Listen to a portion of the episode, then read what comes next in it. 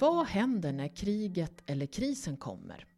Försäkringssnack kommer den här gången att handla om kris och krig och vilken roll försäkringsbranschen har då.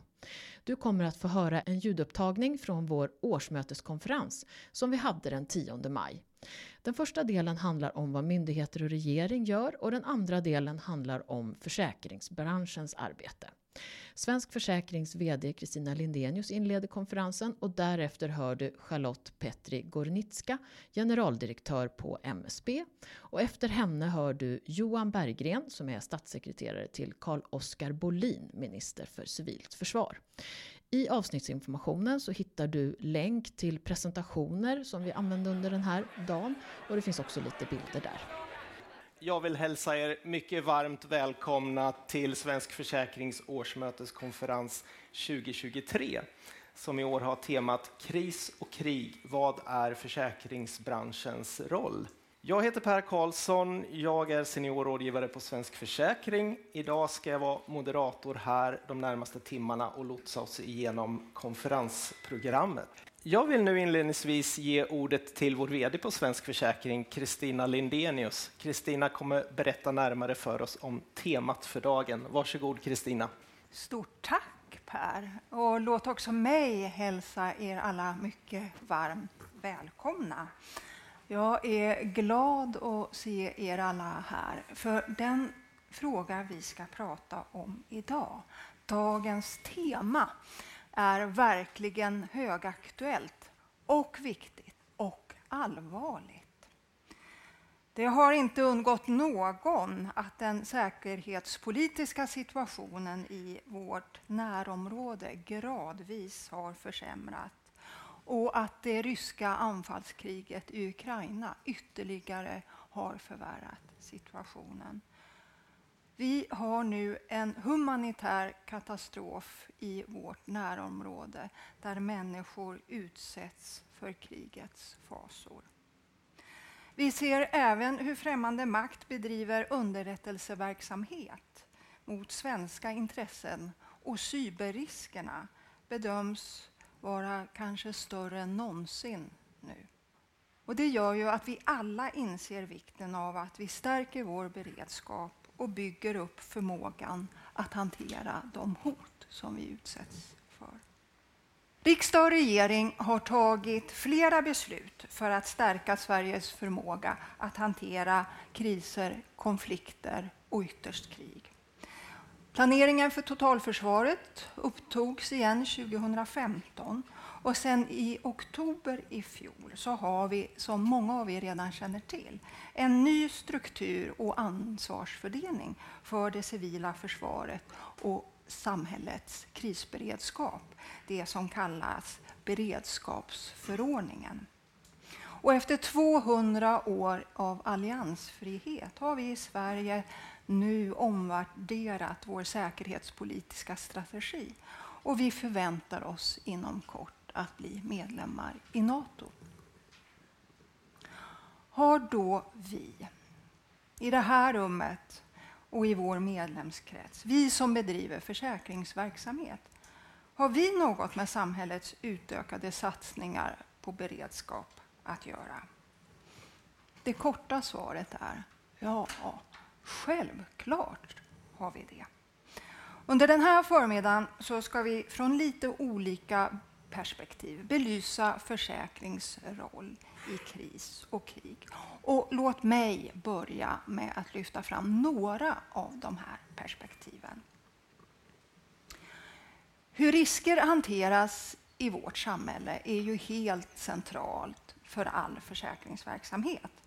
Vår bransch ser till att människor, organisationer och företag ska ha ett gott skydd och ekonomisk trygghet när det oväntade inträffar, när negativa händelser inträffar.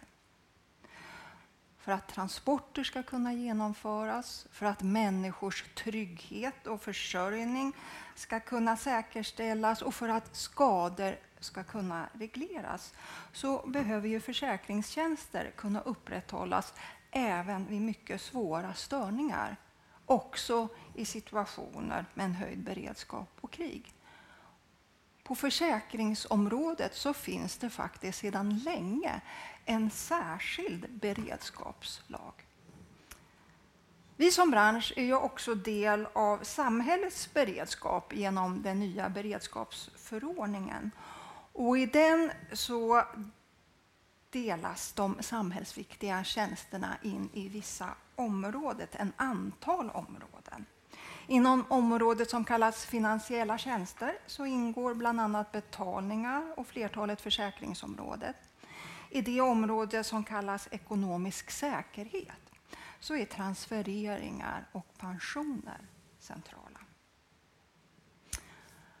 Vi kan tillsammans som jobbar i den här branschen konstatera att försäkringsbranschen faktiskt har en stor vana av att samverka både med myndigheter och privata aktörer när det inträffar kriser. Det har vi tränat på många gånger och gjort i verkliga livets händelser också.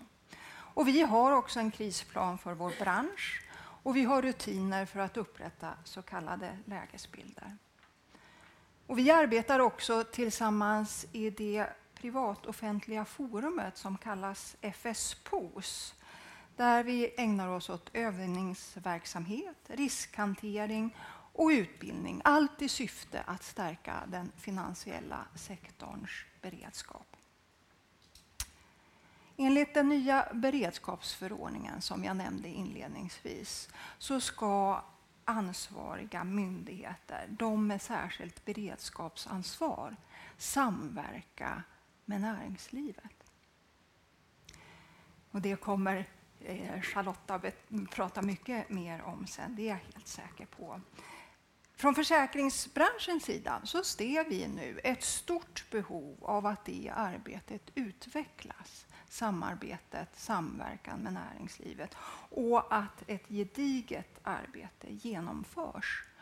För erfarenheterna från Ukraina, och ni kommer få höra om det alldeles strax, Ukrainas erfarenheter visar att den finansiella sektorn är måltavla både i ett så kallat gråzonsläge och vid krig. Hoten från antagonister i form av desinformation, sabotage och cyberangrepp är något som allt oftast riktas mot samhällsviktiga finansiella tjänster. Men vi i den här branschen vi kan förstås inte utföra vårt uppdrag på egen hand.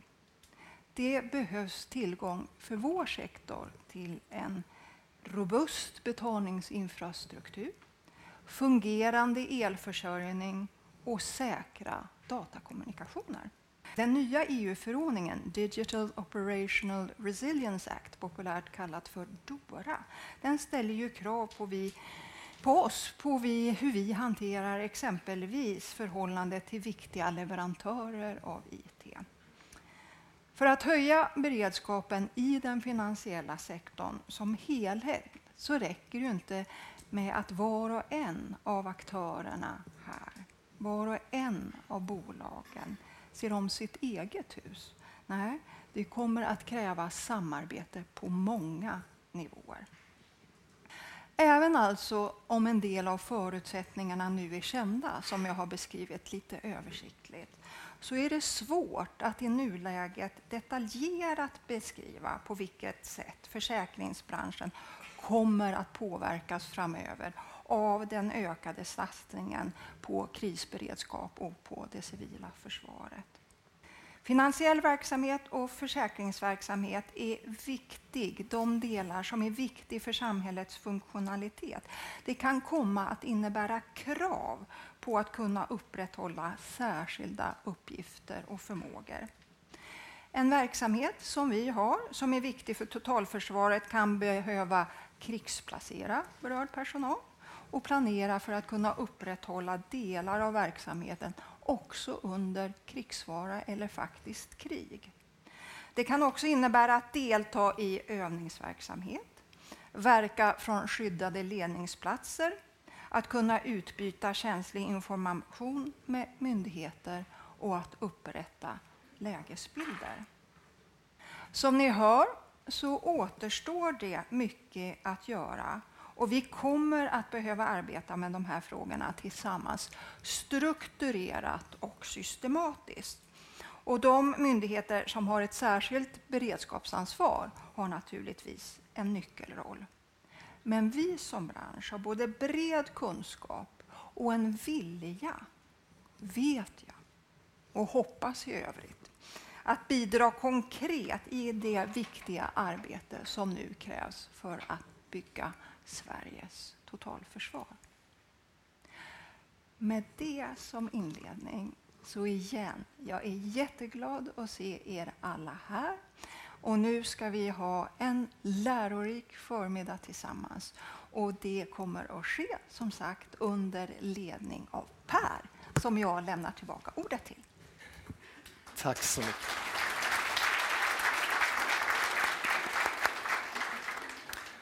Tack så mycket Kristina. Och då har jag den stora glädjen att få presentera nästa talare.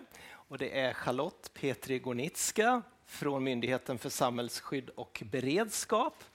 Och eh, Charlotte, det är ju ingen överdrift att eh, påstå att eh, din myndighet har en alldeles speciell uppgift när det just gäller arbetet med samhällets beredskap och inte minst nu också arbetet med det civila försvaret inom ramen för totalförsvaret. Så det ska bli mycket intressant att höra dig berätta lite mer om vad som är på MSBs agenda, hur era prioriteringar ser ut, vad vi gör, vad som återstår och kanske något mer om det som Kristina var inne på, den här viktiga samverkan mellan myndigheter och näringsliv. Så varsågod, ordet är ditt. Tack så mycket Per och tack så mycket Kristina. Du har gjort min inledning så enkel nu med den eh, liksom, eh, inramningen av allvaret och ämnet och eh, vi som aktörer som behöver eh, varandra och vi behöver göra saker nu. Så jag tänker börja med bara några utgångspunkter och sen göra som Per sa, helt enkelt. Prata om det vi gör. Eh, jag vill ändå börja i allvaret. Vi, eh, vi hör eh, inte minst vår överbefälhavare och försvarsminister och andra eh, påminna oss om att det är ett oerhört allvarligt säkerhetspolitiskt läge. Det beskrivs som det allvarligaste läget eh, efter kalla kriget och mer oförutsägbart. Men när man ser den här underbara vackra dagen i Stockholm så kanske det är svårt att förstå att vi faktiskt lever väldigt nära ett krig i Europa och vi är väldigt påverkade fast vi har det så bra på många sätt. Och vi måste förstå Eh, precis just det, att vi har de här fantastiska förutsättningarna men att vi måste verkligen agera på det allvarliga läget som det är. Jag ska börja med en eh, liten beskrivning av hur vi eh, vaknade upp, kan man säga, på MSB och jag är säker på i Sverige brutalt eh, den 24 februari förra året. 25 februari är vår växel totalt nerringd utav svenskar som säger Vad är mitt skyddsrum? Och då kan ju vi nästan svara på det, fast vi måste säga du måste gå via hemsidan in på en karta och hitta ditt skyddsrum. Då kommer nästa samtal. Det finns inget skyddsrum precis där jag bor. Eh, nej, men det finns 65 000 skyddsrum i Sverige. För ungefär 7,5 miljoner människor. Vi är näst bäst i världen på det. Varför finns det inte skyddsrum till alla? Ja, därför att alla kommer inte att behöva ett skyddsrum samtidigt. Därför att det är en av de saker vi behöver. Och frågorna bara öser in. Den vanligaste frågan vi får är något som vi fnissar åt, om jag ska vara ärlig. Det är, får jag ta med mig min hund? Och vi tycker ju liksom att det fattar du väl att det här är skyddsrum för människor? Och sen läser vi på. Vad är det som verkligen vi måste förstå när det gäller drivkrafter och beteenden i kris? Vi lär oss av våra amerikanska vänner och vi lär oss inte minst av Ukraina och de som kommer till Sverige med sina hundar. och de frivilliga organisationerna som måste hjälpa till och se till att hundarna inte tar med sig sjukdomar och så vidare. Vi lär oss gamla sanningar, bara rakt framför ögonen den 25 februari och framåt. Vi har aldrig haft så stort engagemang för de här frågorna. Och det var inte bara oro, det var en oerhört stor vilja att hjälpa till. Så samma individer hade liksom de här båda perspektiven och det är väldigt allmänmänskligt. Idag så ser det inte riktigt likadant ut. Idag är vi med, och det är inte MSB som möter det primärt, men idag är oron för den egna ekonomin till exempel väldigt högt på agendan. Och kriget har sjunkit undan något, därför att vi har vant oss. Och Det är väl det som vi måste påminna oss om. Vi kan inte vänja oss vid det, därför att vi ser varenda dag vad som händer i Ukraina och vi är på väg in i Nato och vi vet att det allvarligaste läget på, på mycket, mycket länge. Så vi har ju ett stort jobb nu att både bygga förmåga men också hålla eh, liksom motivationen eh, och, och, och, allvaret och berättelsen eh, vid liv. För vi behöver verkligen beredskap. Och därför så vill jag gärna dela den här bilden, därför att jag tror att det värsta som kan hända nu, det är ju att vi säger det här ämnet som Kristina tar upp, ja men vi har ju läst om det ett tag nu. Alltså det är så viktigt att samhällets kraftfulla, resursstarka aktörer agerar. Det är det andra budskapet som överbefälhavaren och GDMSB och statssekreterare och andra säger är vänta inte. Gräv där ni står. Ni vet, Kristina har redan berättat om er roll och vad som pågår och så. Så det är ju inte så att det inte finns en startsignal liksom, som man måste vänta på, utan vi måste agera. MSBs roll i det här vi är en myndighet som arbetar i, eh, med civil beredskap, krisberedskap hela vägen upp i hotskalan till krig. Och ni vet att vi 2018, eller jag tror ni vet, eh, skickade en broschyr till alla svenska hushåll om krisen och kriget kommer. Den togs på allvar, men man trodde nog inte att det skulle bli allvar. Den har laddats ner i miljontals exemplar nu på vår hemsida. Och det speglar lite grann den här motorn i arbetet som MSB är. Vi ska se till att allmänheten har en kunskap om vad förväntas av mig? Vad är mitt ansvar i händelse av kris och det värsta som kan hända, krig? Och sen är då vårt väldigt, väldigt viktiga uppdrag nu det är att vara motor, kan man säga. Det så står det ju inte i, i, i liksom regleringsbrev. Och så det, man använder inte sådana ord, va, Johan? Nej. Det står att vi ska utveckla och förvalta det eh, krisberedskapssystem som Kristina nämnde. Eh, och då, för att göra en kort beskrivning av förra året. Förra regeringen hade eh, planerat ett beslut kring en ny organisering av den svenska krisberedskapen. Eh, och på grund av den här allvarliga situationen så gick egentligen allt förra året i fast track. Eh, så beslutet som skulle fattas kanske vid årsskiftet, det fattades 19 maj med liksom utmaningen 1 oktober ska Sverige leva och verka i en tydlig och ny organisering för krisberedskap som bygger på att 60 av våra flera hundra myndigheter har utpekats att ha ett särskilt beredskapsansvar. Och de har sedan klustrats i tio sektorer. Vård, alltså häls liv, hälsa och vård, finansiella tjänster, energi, post, tele. De liksom viktigaste tio eh, samhällsfunktionerna som vi måste se till att eh, de fungerar under kris och krig. Och då har en myndighet i varje sektor fått ett särskilt ansvar att just leda och samordna de sektorerna. Och då vet ni att i Sverige så har vi några principer. Att eh, ansvarsprincipen är ju att det du är bra på i vardagen, det är du förmodligen bäst på även i kris och krig. Och det betyder de facto att vi egentligen inte pekar ut någon som säger i och med att du har den här rollen, att samordna, så får du bestämma nej.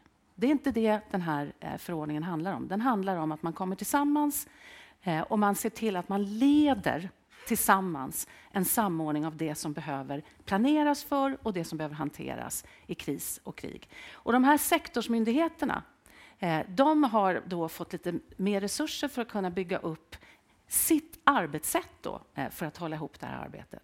Och det började gälla 1 oktober och det är igång. Och på ett sätt tycker jag man kan säga jäklar vad fort det går.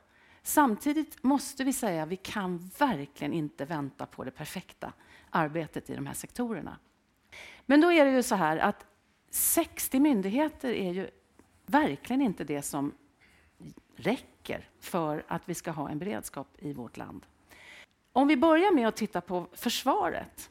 I Sverige har vi en stolthet i vårt totalförsvarskoncept, det vill säga att vi planerar ihop det militära försvaret och det civila försvaret.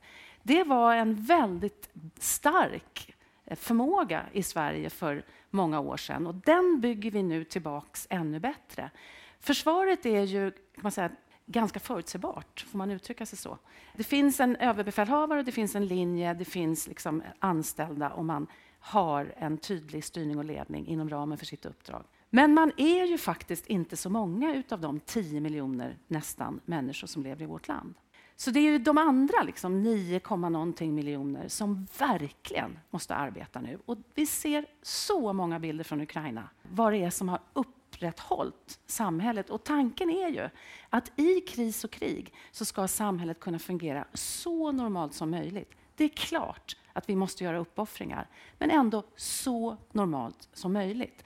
Ukraina, det finns en lång lista och ni kommer att få möta medarbetare eller jätteviktiga personer från Ukraina idag som kommer att ge er berättelser om hur det kunde fungera så. En av anledningarna till det är ju att man började förbereda sig långt innan den här invasionen. Alltså 2010, 11, 12, 13, 14 började man bygga upp sitt lands beredskap. Och det är ju det vi måste förstå, att det är två tankar samtidigt. Vi måste kunna agera nu, men vi måste också kunna planera för att bygga upp en kompetens och en förmåga för att bli ännu bättre och ännu robustare.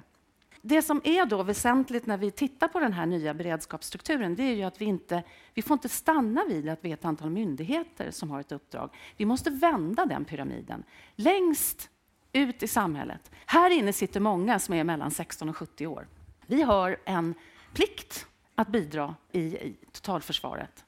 Eh, och det betyder att alla måste göra något. Är man 16 år kan det handla om att eh, hjälpa äldre att hitta dit de kan behöva gå, att kanske dela ut mat och så. Men de flesta av oss kommer kanske att vara kvar på jobbet och ombedas göra precis det vi ska göra idag, även under, under, under höjd beredskap. Men vi står till samhällsförfogande. Börjar man titta på, vänder upp och ner, säger de här myndigheterna där uppe, de är bara möjliggörare i systemet. Det är alla andra som egentligen måste göra det. Då kommer vi till näringslivet. Det är en väldigt annorlunda miljö som vi ska bygga vår, vår kapacitet i nu. Det, det, är inte lika många statliga bolag idag som vi hade. Det är inte så att bolagen är nödvändigtvis svenskägda. Det är inte så, eller det är så att vi har väldigt liksom, komplicerade leverantörskedjor. Det är också så att 90 procent av det vi behöver under kris och krig är näringslivet som gör. Så därför måste vi ju förstå att myndigheterna och inte minst MSB då i det här arbetet vi har av att hålla ihop eh, systemet måste börja på allvar jobba med att näringslivet å ena sidan, som Kristina gör, talar om vad man redan har för roll och kan göra. Men också att man hittar in i ja, men vad är då förväntan på mig eh, i mitt företag eller min bransch. Eh, vad ska jag göra som har att göra med min verksamhet? Och vad kan jag göra eller förväntas göra för att bidra för helheten i mitt land? Och vad, vem ska jag prata med? Vad finns det för strukturer som jag behöver känna till för att kunna få svar på de här frågorna? Och några i näringslivet säger också, vem ska betala? Och då finns det ju eh, någon slags hierarki i det här. Att det första vi förväntas göra allihopa, det är ju att se över vår egen beredskap att kunna fortsätta vår existens under eh, höjd beredskap och krig. Tittar vi på individen så pratar vi ju i den här broschyren om din hemberedskap. Du ska kunna eh, försörja dig själv i en vecka ungefär. Tittar vi på företagen så har vi ju börjat formulera eh, vad företagen också då behöver liksom, ställa sig för frågor. Och det första är ju, se helst till att du har en planering, en kontinuitetsplanering. Där du har en, satt dig själv i en planering för vad ska vi göra idag? Vad behöver vi planera för för att kunna verka till exempel i 90 dagar utan elförsörjning eller annan försörjning? Hur ska vi kunna vara robusta och redundanta i 90 dagar? Det är liksom den första linjen, för vi förväntas fortsätta göra det vi gör. Det andra är ju, vad har jag för, för eh, eh samhällsviktig verksamhet som jag kan behöva bidra med eh, till, till Sverige i övrigt? Hur vet jag om jag är samhällsviktig? Jag ska komma tillbaka till det innan jag avrundar, för vi gör ju några saker på MSB nu som blir vägledande. Men fråga två är ju då, hur, hur pass mycket av det vi gör kan komma att efterfrågas eller avkrävas av andra? Ja, det vet vi kanske inte. Men för att vi ska kunna verka, vad behöver vi planera för och vad behöver vi krigsorganisera oss själva för? Så i princip så här, om jag har bolaget A och så är första förväntan du ska fortsätta att verka, då behöver jag titta på vad är nyckelkompetenser och nyckelfaktorer för att vi ska kunna fortsätta verka. Jag kanske har fem sådana och då måste jag kunna säga jag vill krigsplacera dem i mitt företag. Och då säger vi, börja den planeringen.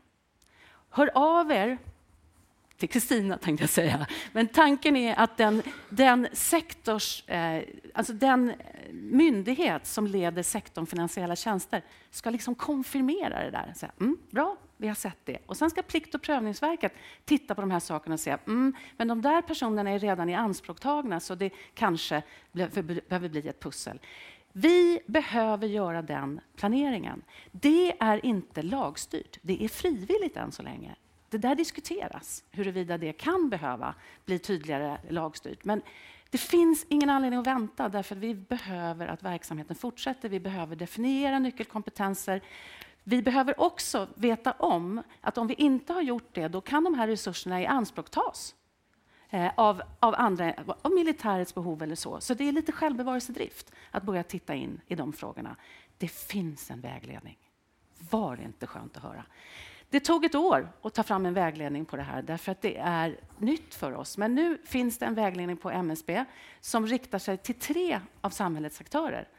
Till myndigheter, till regioner och kommuner, men också till näringslivet. Där det här som jag beskriver står, men också mycket mer metodiskt. Och vi valde att göra alla de här i en vägledning, för myndigheterna behöver lära sig om näringslivet och vice versa. Så vi tyckte vi slår ihop det.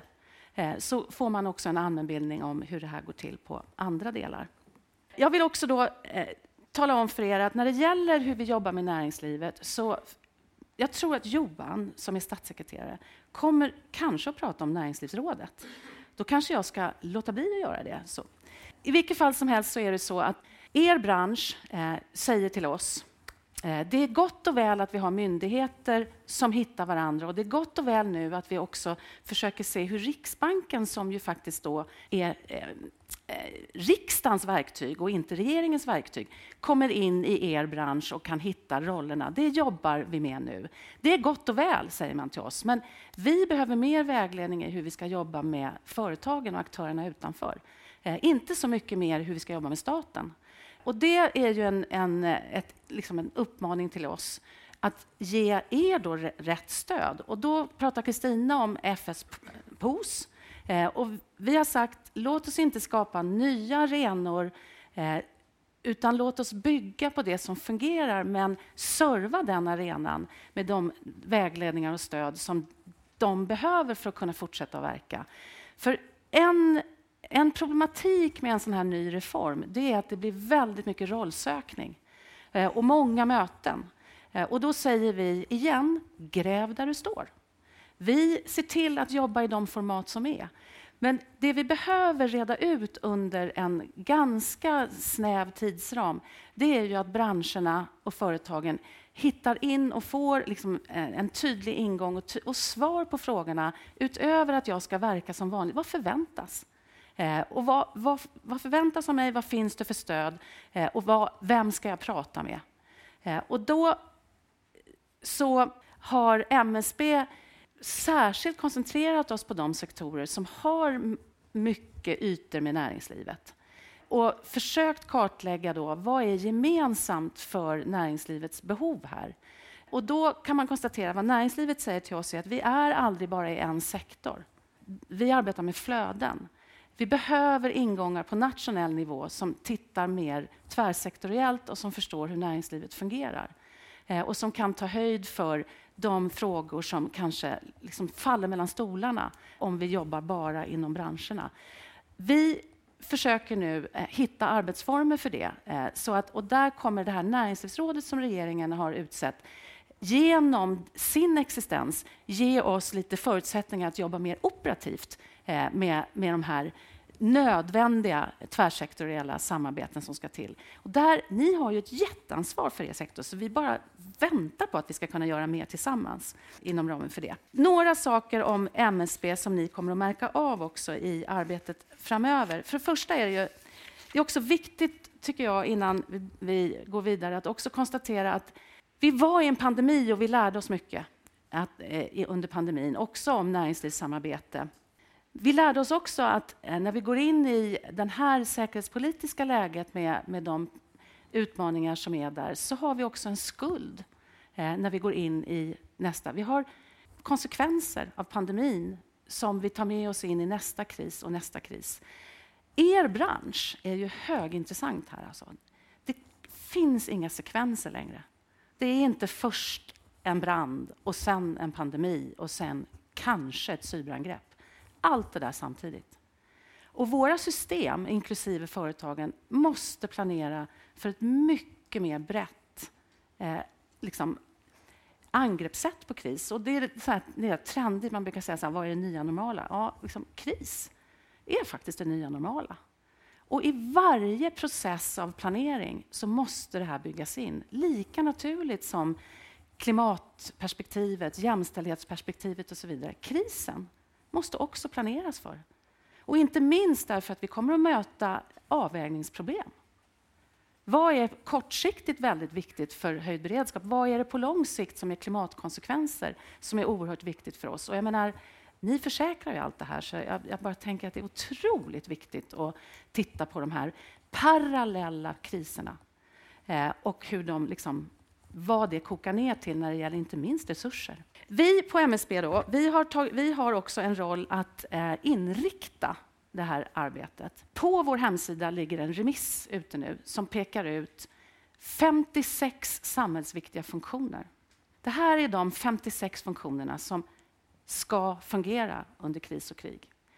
Funktion är en funktion, verksamhet är en verksamhet. Vi listar också vad är det för möjliga verksamheter som utgör de här funktionerna. Det enda jag vet säkert är att vi kommer få skäll för den där 58 som inte finns med. För det är lite så det är, för alla är ju samhällsviktiga. Eh, det är en öppen remiss. Vi vill att alla ska titta på den där remissen. Så msb.se, kolla den. Sen när det där slås fast, då blir det väldigt vägledande. Eh, det kommer att bli det och det kommer att styra väldigt många liksom, typer av samverkan och sådär. Så att det ska vi inte ta lätt på. Det andra är att vi är en av tolv myndigheter som får peka ut områden av särskilt intresse, riksintresse. Vi gör det nu med utgångspunkt från totalförsvarets behov. Det betyder till exempel, ett exempel som finns redan ute i media, det handlar om Heidelberg Materials, alltså det vi, det vi känner som Cementa. Det är viktigt med cement. Ni kommer att höra från Ukraina vad viktigt det är att kunna bygga upp. Det är viktigt med cement och det är där vi har den resursen vi behöver, den försörjning som Sverige skulle behöva. Den korta versionen av det här är ju att det står intressen mot varandra. Gotland är ju en ö med väldigt mycket natur och klimatintressen. Eh, Verkligheten är också att ett sådant företag behöver ganska mycket resurser för att kunna verka.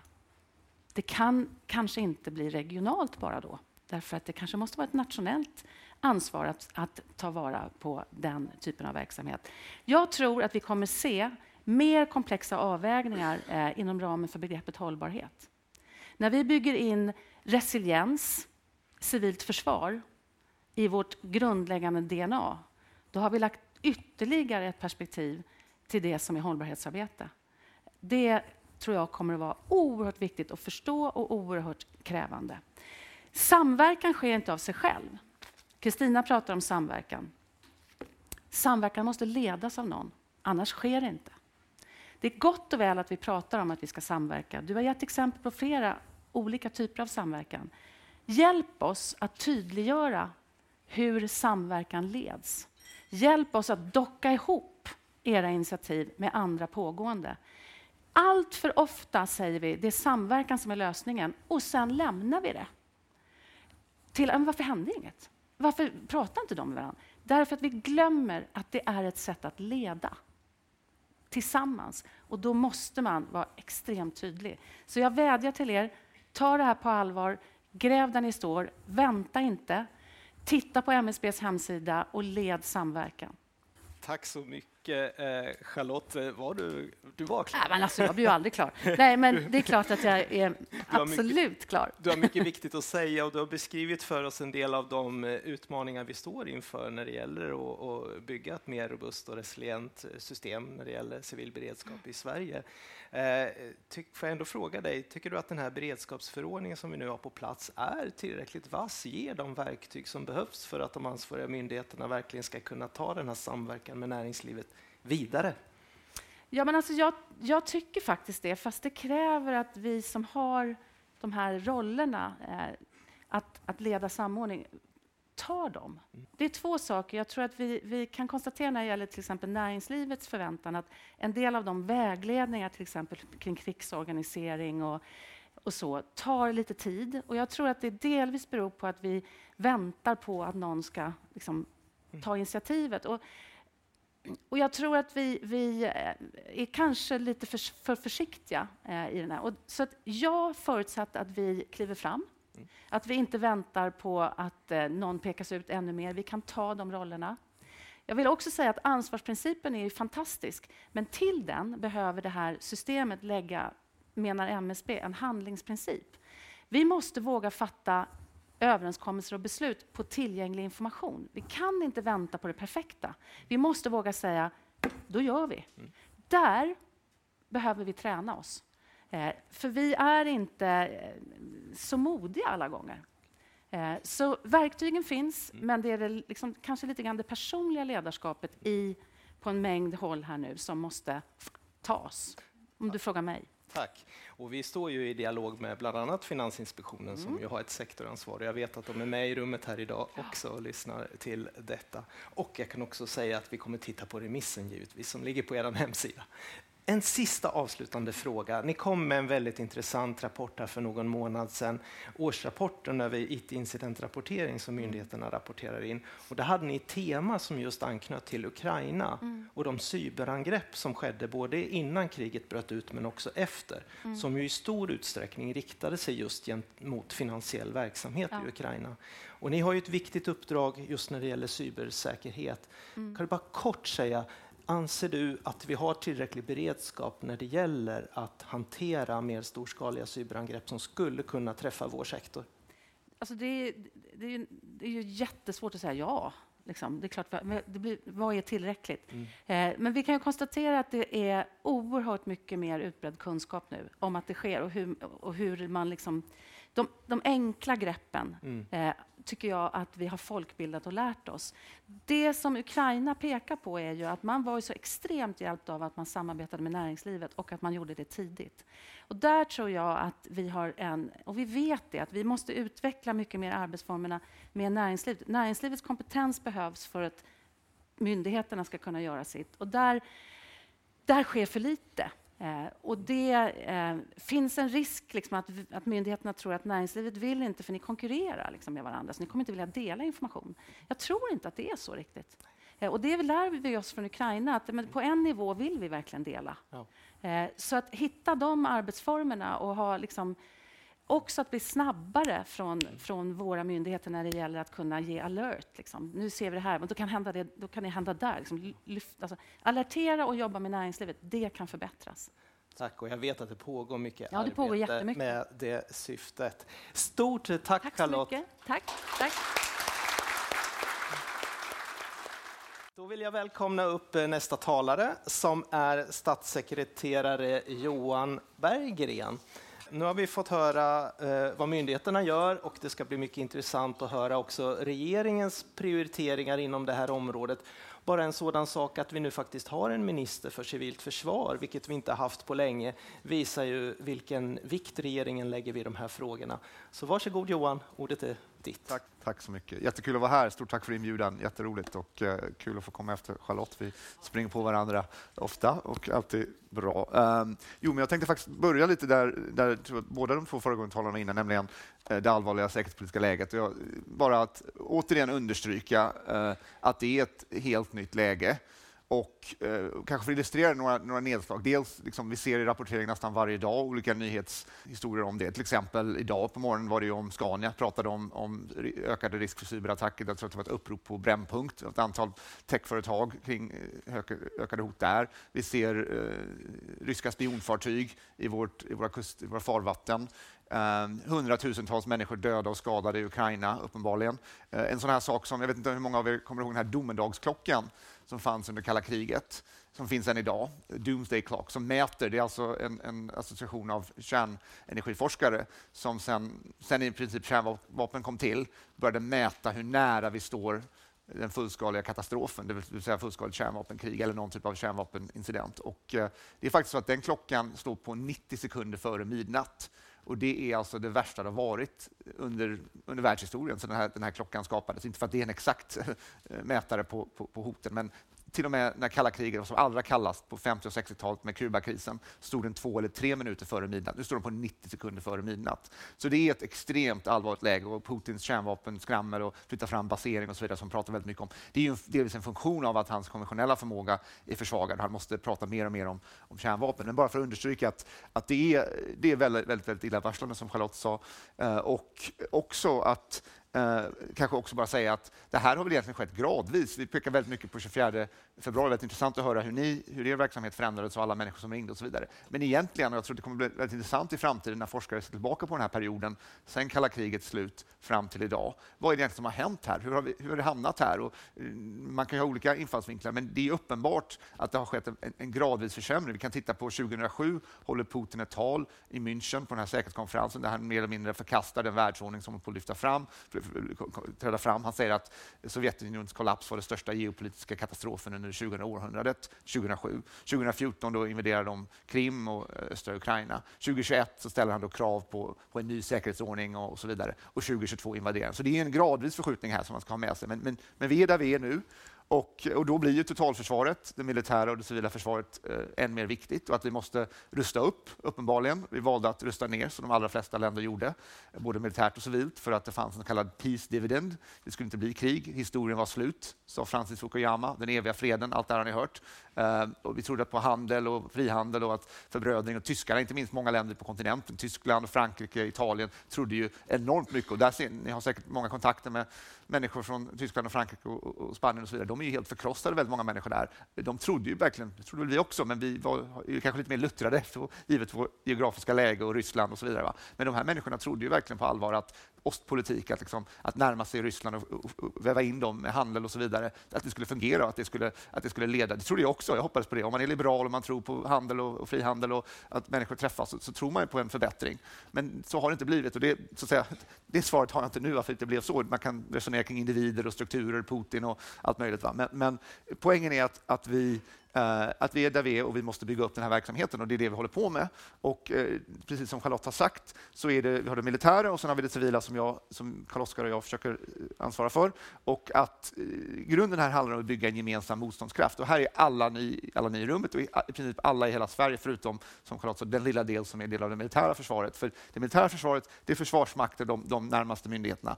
Allt annat i princip i samhället är det civila försvaret. Det är företag, organisationer, myndigheter, regioner, civilsamhället. Um, och vi måste tillsammans göra det här. Och det är då den verksamhet formellt som upprätthåller samhällets grundläggande funktioner och som utförs både av offentliga och privata aktörer. Det handlar om skydd av civilbefolkning, bevara våra institutioner, demokrati. Men det finns också en viktig punkt som är att man ska bistå Försvarsmakten med det stöd som behövs.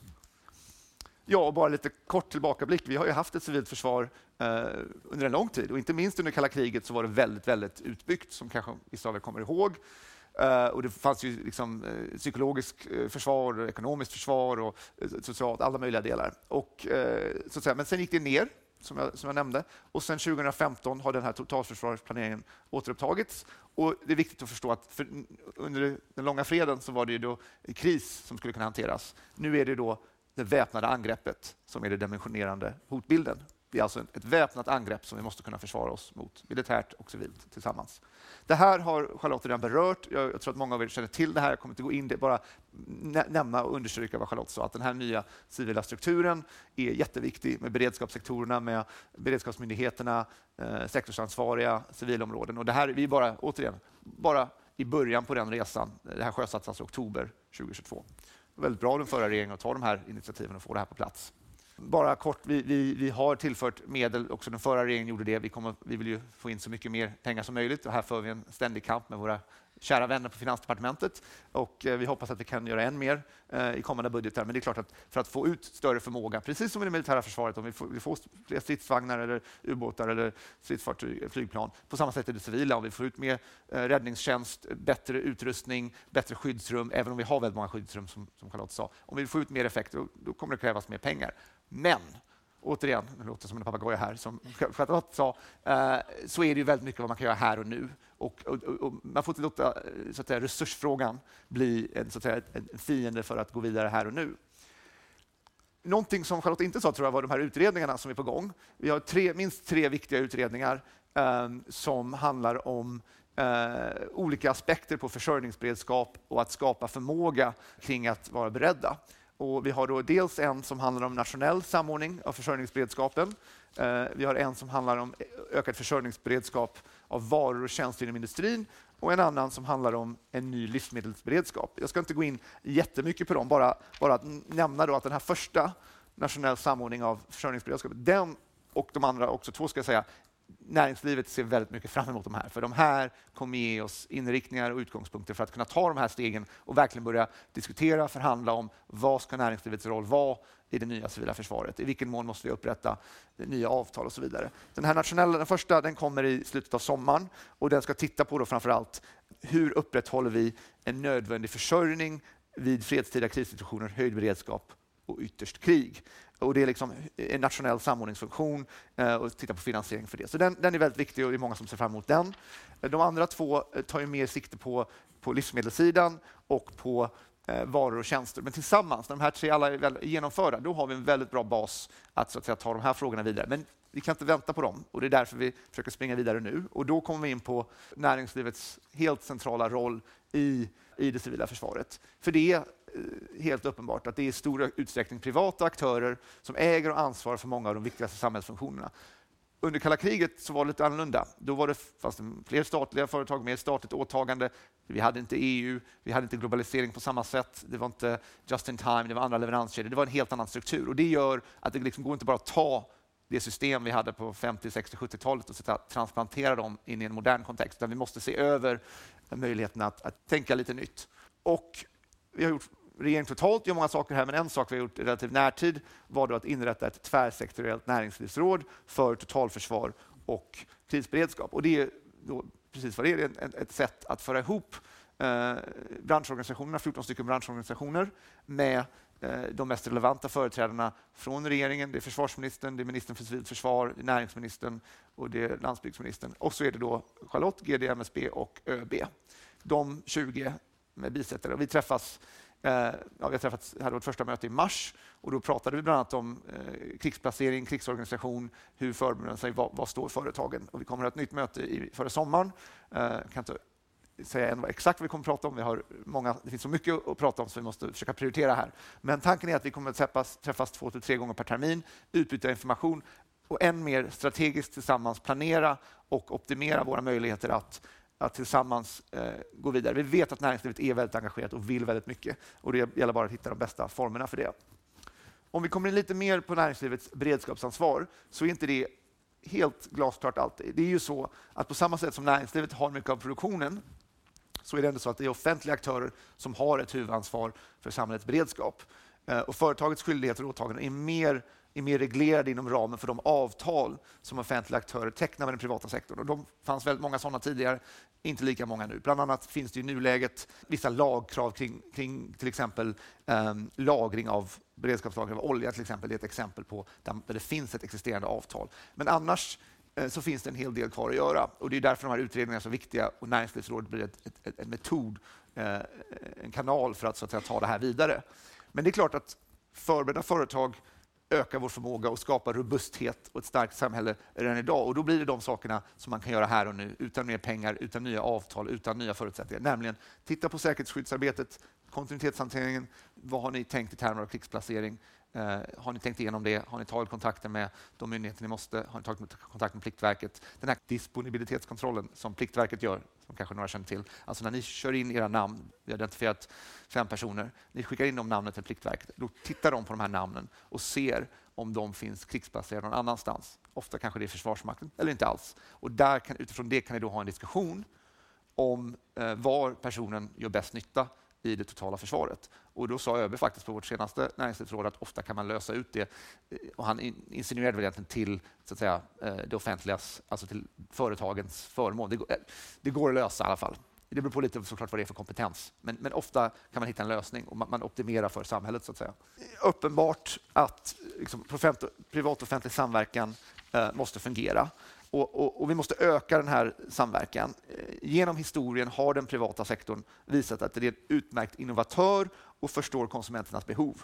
Medan det, och de näringslivet, det privata, hittar lösningar. Det offentliga står ju mer för bastjänster, förtroende, universella tjänster för alla invånare samt säkerhet. Så det handlar om den här samverkan med de här två eh, sektorerna. Och då, eh, det finns ju redan ett antal goda exempel som ni känner till, men jag vill bara understryka dem eftersom vi samlade här. Dels eh, finansiella sektorn, privat och offentlig samverkan. Det är välkänt i den här kretsen och jag vill bara ta ta tillfället i akt att lyfta fram att vi ser det som ett viktigt arbete eh, i denna frivilliga samverkan. Inte bara för den finansiella sektorn, men även för kunskapsspridning till andra sektorer via de rapporter, vägledningar och övningsutvärderingar som FSPOS publicerar. Så det är liksom jättebra att, att det finns. Vi har också då, som kanske inte är lika känt i den här kretsen, men kanske ändå, Nationella telesamverksgruppen, NTSG, som också är ett frivilligt samarbetsforum Eh, som stödjer återställandet av den nationella infrastrukturen för elektroniska kommunikationer vid allvarliga störningar i samhället.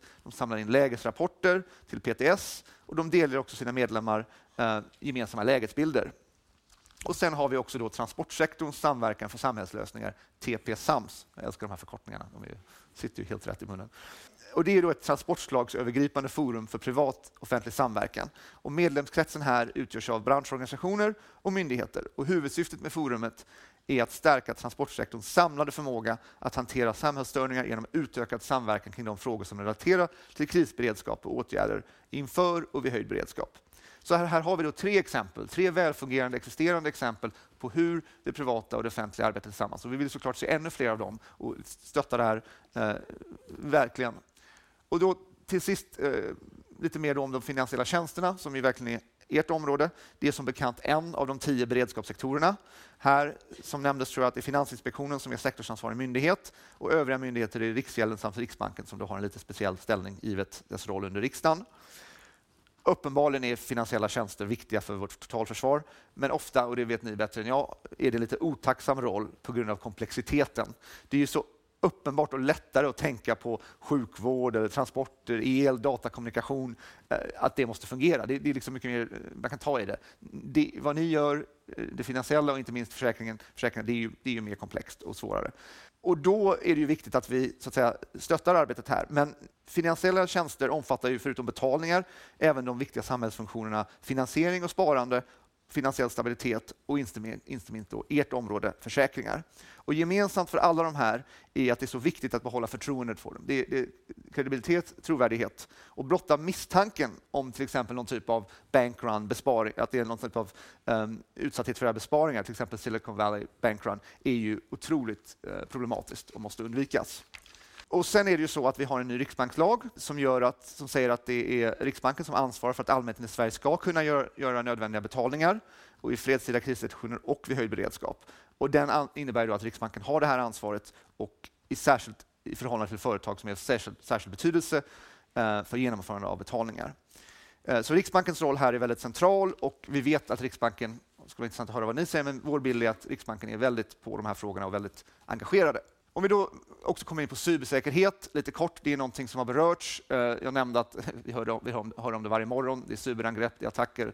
Eh, den här frågan som var uppe tidigare om Ukraina, och jag fick den på ett tidigare seminarium här på morgonen om de angrepp som riktades mot Ukraina. Det fanns en stor, en stor rädsla för att den ryska förmågan var väldigt avancerad också. Det är lite intressant, det finns en parallell här till den militära förmågan. Det var ju väldigt många bedömare som trodde att eh, Ryssland skulle ta över Ukraina på en vecka och så skedde ju inte.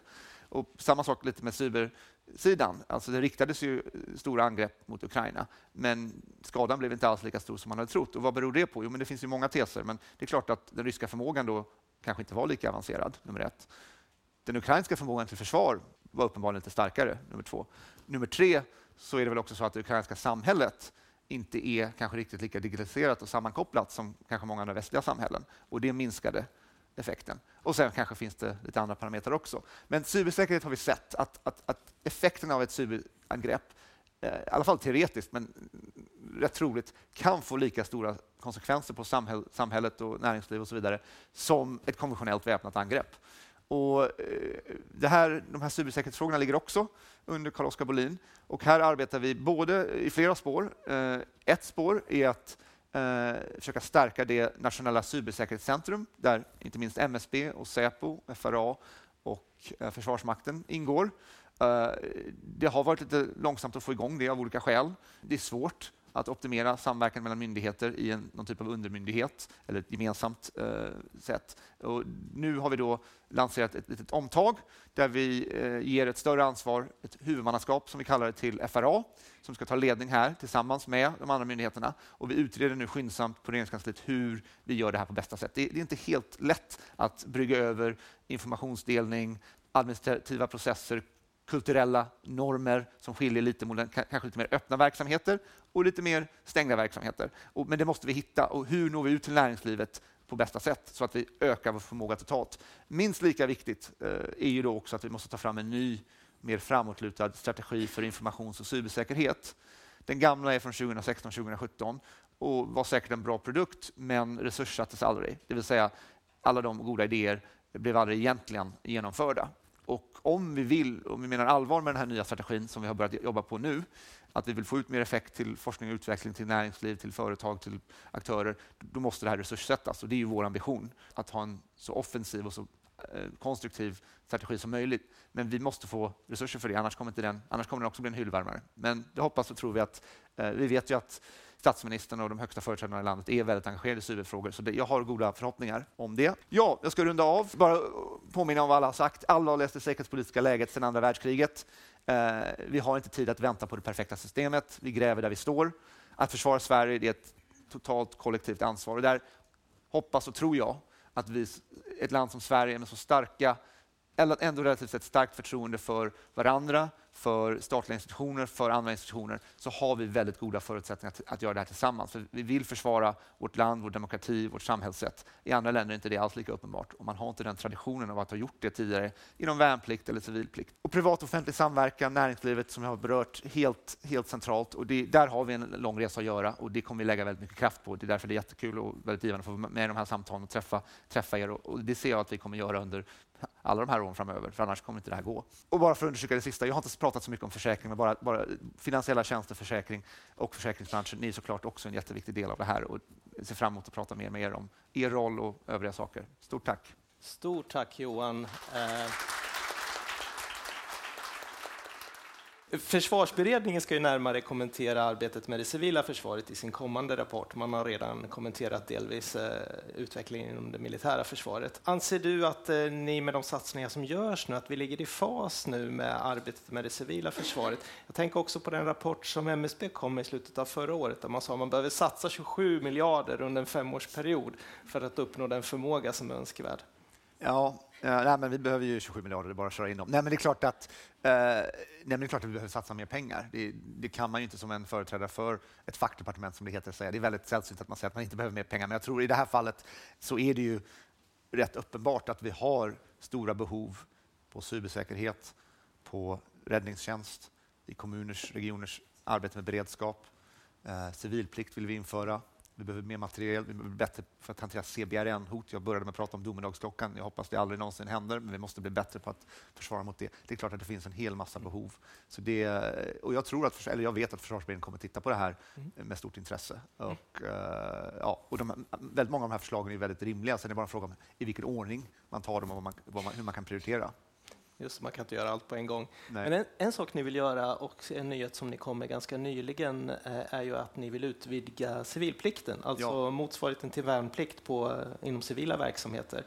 Tror du att det skulle innebära att det också kommer omfatta finansiella tjänster som en del av samhällsviktig verksamhet? Det var en bra fråga. Eh, dit har vi inte kommit än, måste jag säga. Men generellt så har vi en väldigt offensiv och, bred ansats här. Att vi måste titta på alla sektorer som kan ha behov. Och vi, vi har precis tillsatt, eller vi har, vi har eh, annonserat att vi kommer tillsätta en utredning som ska titta på personalförsörjning inom det civila försvaret vilket då kommer göra en, den här analysen av alla olika sektorers behov. MSB har gjort en sån initial analys. Eh, jag kan inte dra mig till minnes exakt vad de säger om den finansiella sektorn, men i den här utredningen som vi kommer göra, då ska vi titta på alla sektorer. Och jag förutsätter mig att det finns behov här också. Sen är det en fråga hur man, då är det en annan typ av utbildning än den typ av utbildning som kanske de flesta, eller liksom civilplikt inom räddningstjänst. Men vi måste ju se till alla, alla behov. Eh, och apropå behoven då, vi har ju ett förestående NATO-medlemskap. Skulle du säga att eh, det förändrar på något sätt vårt arbete med civil beredskap och satsningarna på det civila försvaret?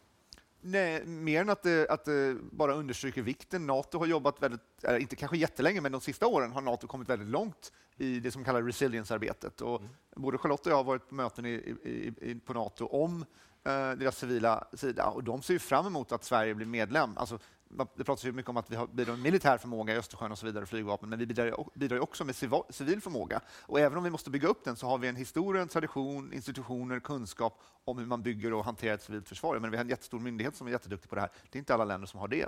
Så eh, vi hoppas jag bidrar till Nato och sen kommer Nato bidra till oss. Och sen väldigt operativt, det är klart att när vi väl är medlemmar och Sverige, Norge, Finland, till exempel i norra Sverige, att vi kan optimera inte bara vår, försvars, som vår militära försvarsberedskap, men hur vi jobbar civilt med krishantering. Det finns ju redan nu liksom, eh, redundans, mellan, eller inte redundans, men det finns ju redan nu planer på att ibland Norge och Sverige kan stötta varandra i civil beredskap. Också våra haverikommissioner till exempel.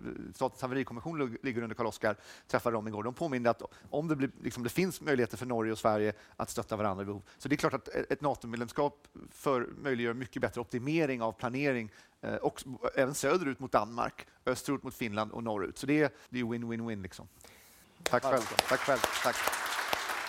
Du har lyssnat på Försäkringssnack som den här gången var en ljudupptagning från årsmöteskonferensen 2023.